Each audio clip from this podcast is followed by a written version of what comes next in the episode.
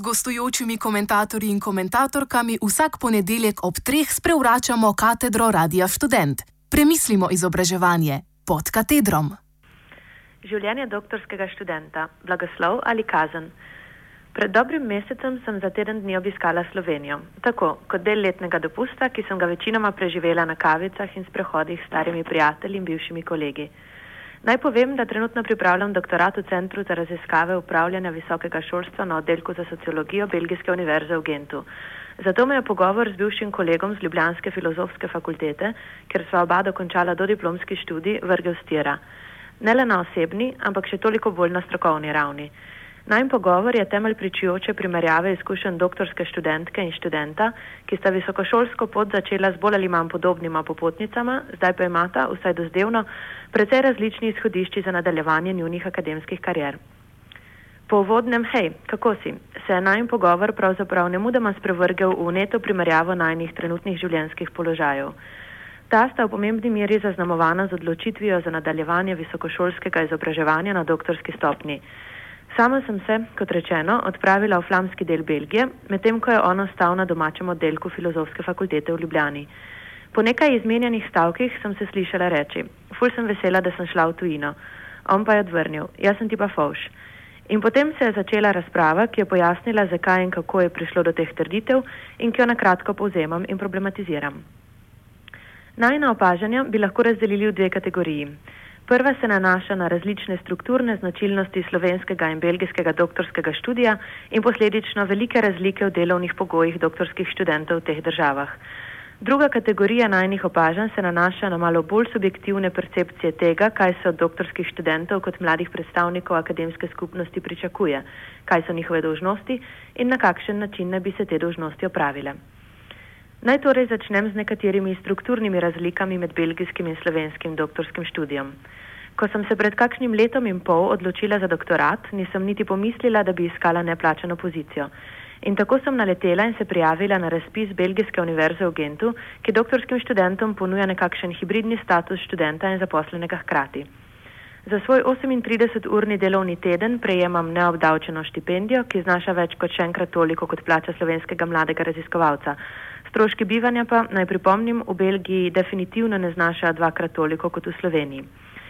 Poleg tega mi univerza ponuja še plačilo prispevka za osnovno zdravstveno zavarovanje ter dodatek za prihod na delo s kolesom oziroma povračilo potnih stroškov. Ob začetku doktorskega študija sem dobila službeni prenosnik in dodelili so mi pisarno, ki si jo delim še nekaj drugimi doktorskimi študenti. Poleg tega imam na razpolago približno 35 dni letnega dopusta ter v veliki meri krite stroške obiskov konferenc in dodatnih izobraževanj. Pogodbo sem podpisala za dve leti z neformalnim dogovorom, da se le ta ob preteku podaljša za nadaljni dve. Kaj pa moj slovenski kolega? Po končanem dodiplomskem študiju se je odločil za nadaljevanje doktorskega študija na svojem matičnem oddelku Ljubljanske filozofske fakultete. Ob začetku njegovega študija se je še govorilo o možnostih sofinanciranja, ki bi mu vsaj delno povrnilo stroške šolnine, ki znaša 10.500 evrov. Žal je nekje sredi leta postalo jasno, da sofinanciranja ne bo. Kolegu je tako ostal študentski status in vednost, da bo šolnino očitno v celoti moral plačati sam. Posledično poleg študija veliko časa nameni študentskemu delu, s katerim se zagotavlja kritje življenjskih in študijskih stroškov. Njegova raziskava je tako ujeta nekje med delo, ki nima vedno prav veliko odpraviti, opraviti z njegovo stroko in upanjem, da je vsta trud vreden njegovih dolgih dnevov in da bo nekoč poplačan. Ampak tu se najem pogovor ni zaključil. Prevesil se je v razpravo o tem, kaj se od doktorskih študentov pričakuje na njegovem oddelku in kaj v mojem raziskovalnem centru. Ker so v času pogovora oba bila v fazi pripravljanja najnih raziskovalnih dispozicij, sva se osredotočila na zahteve v povezavi z najnimi raziskovalnimi predlogi. Njegova dispozicija je omejena na 7500 besed in je po najnovejši ureditvi pogoj za napredovanje v zadnji od treh letnikov. Do preteklega leta je veljalo, da mora biti dispozicija pripravljena že ob zaključku prvega letnika in ker je nova ureditev tako rekoč pravkar stopila v veljavo, so doktorske študente na oddelku spodbudili naj jo dajo čim prej, za vsak slučaj, da ne bi prišlo do neželenih zapletov. V mojem primeru univerza od doktorskih študentov zahteva vsakoletno 400 besedno poročilo o napredku v preteklem letu in planih za sledeče leto, dispozicija pa ni formalna obveznost. Odločitev o tem, ali raziskava napreduje v pravem ritmu in smeri, sprejme mentor posameznega študenta. Dispozicija, ki bo pravzaprav sestavljena iz bolj ali manj dodelanega uvodnega, teoretskega in metodološkega dela dizertacije, naj bi tako bila pripravljena nekako po dveh letih študija, z bistveno razliko v tem, da belgijski doktorski študij se stoji iz štirih let. Kakšni so torej bili najni zaključki? Kljub ogromnim razlikam v pogojih, pod katerimi izvajava doktorski študij, sva oba pohvalila osebne odnose z najnimi mentori ali predavatelji. Nisva podvomila v izkušnje in kakovost raziskovalnega dela akademikov, ki naj obdajajo. Pa vseeno, strukturne značilnosti doktorskega študija in administrativne zahteve univerze ti lahko precej olajšajo ali zagrenijo to že tako precej negotovo popotovanje do doktorske dizertacije. Sama sem iz tega pogovora potegnila tri zaključke. Najprej in precej sebično, še malo bolj sem bila vesela svoje pozicije v Belgiji. Doktorski študenti imamo v Belgiji neprimerno boljšo pozicijo kot naši kolegi v Sloveniji, če tudi je belgijski visokošolski sistem korak dlje od slovenskega, ko pride do šolnin, povdarka na učinkovitosti izobraževalnih in raziskovalnih dejavnosti ter odvisnosti financiranja visokošolskih institucij ne le od števila upisanih študentov, ampak tudi od števila podeljenih diplom. A kljub tem značilnostim imamo doktorski študenti privilegirano pozicijo in v primerjavi s slovenskimi zelo olajšan dostop do kvalifikacije doktorja znanosti.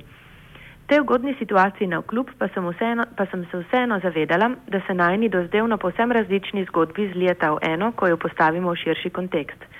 Najna položaja se po zaključenem doktorskem študiju verjetno ne bosta bistveno razlikovala. Dobra pozicija belgijskih doktorskih študentov namreč hkrati odraža prekarizacijo akademskega poklica. V letu 2013 je bilo na Univerzi v Gentu zaposlenih skoraj 3700 doktorskih študentov, ali približno 900 podoktorskih raziskovalcev in 1200 drugih akademskih sodelavcev. Številke nedvomno namigujejo na to, da so tako doktorski študenti kot podoktorski raziskovalci poceni ali vsaj cenejša delovna sila z malo možnostmi za pridobitev pozicije akademske profesure, ki bi jim zagotovila večjo socialno varnost. Financiranje preko bolj ali manj kratkotrajnih projektov, vedno bolj nemogoč dostop do stalne profesure in ocenevanje kakovosti akademikov na podlagi financ, ki jih pridobijo v obliki projektov.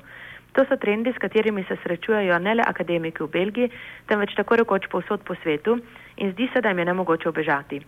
Ampak vseeno mi je ta izkušnja dala misliti, da je merjenje v smislu, kaj je boljše in kaj je slabše, najmanj dvorezen meč. Čeprav bi lahko brez dvoma dejali, da je Belgija dlje na poti neoliberalizacije kot Slovenija, se zdi, da so akademske vrednote na račun administrativnih in sistemskih zahtev v Sloveniji neredko bolj prizadete kot tiste v Belgiji. Kar pa ne spremeni dejstva, da bomo, da bomo bodoči akademiki, če nam bo to sploh dano, krenili po bolj ali manj isti poti. Ali bo ta pot trnjeva ali z rožicami poslana in ali je doktorski študij torej blagoslov ali kazen, pa bomo še videli. Komentar sem pripravila Meta Gorup.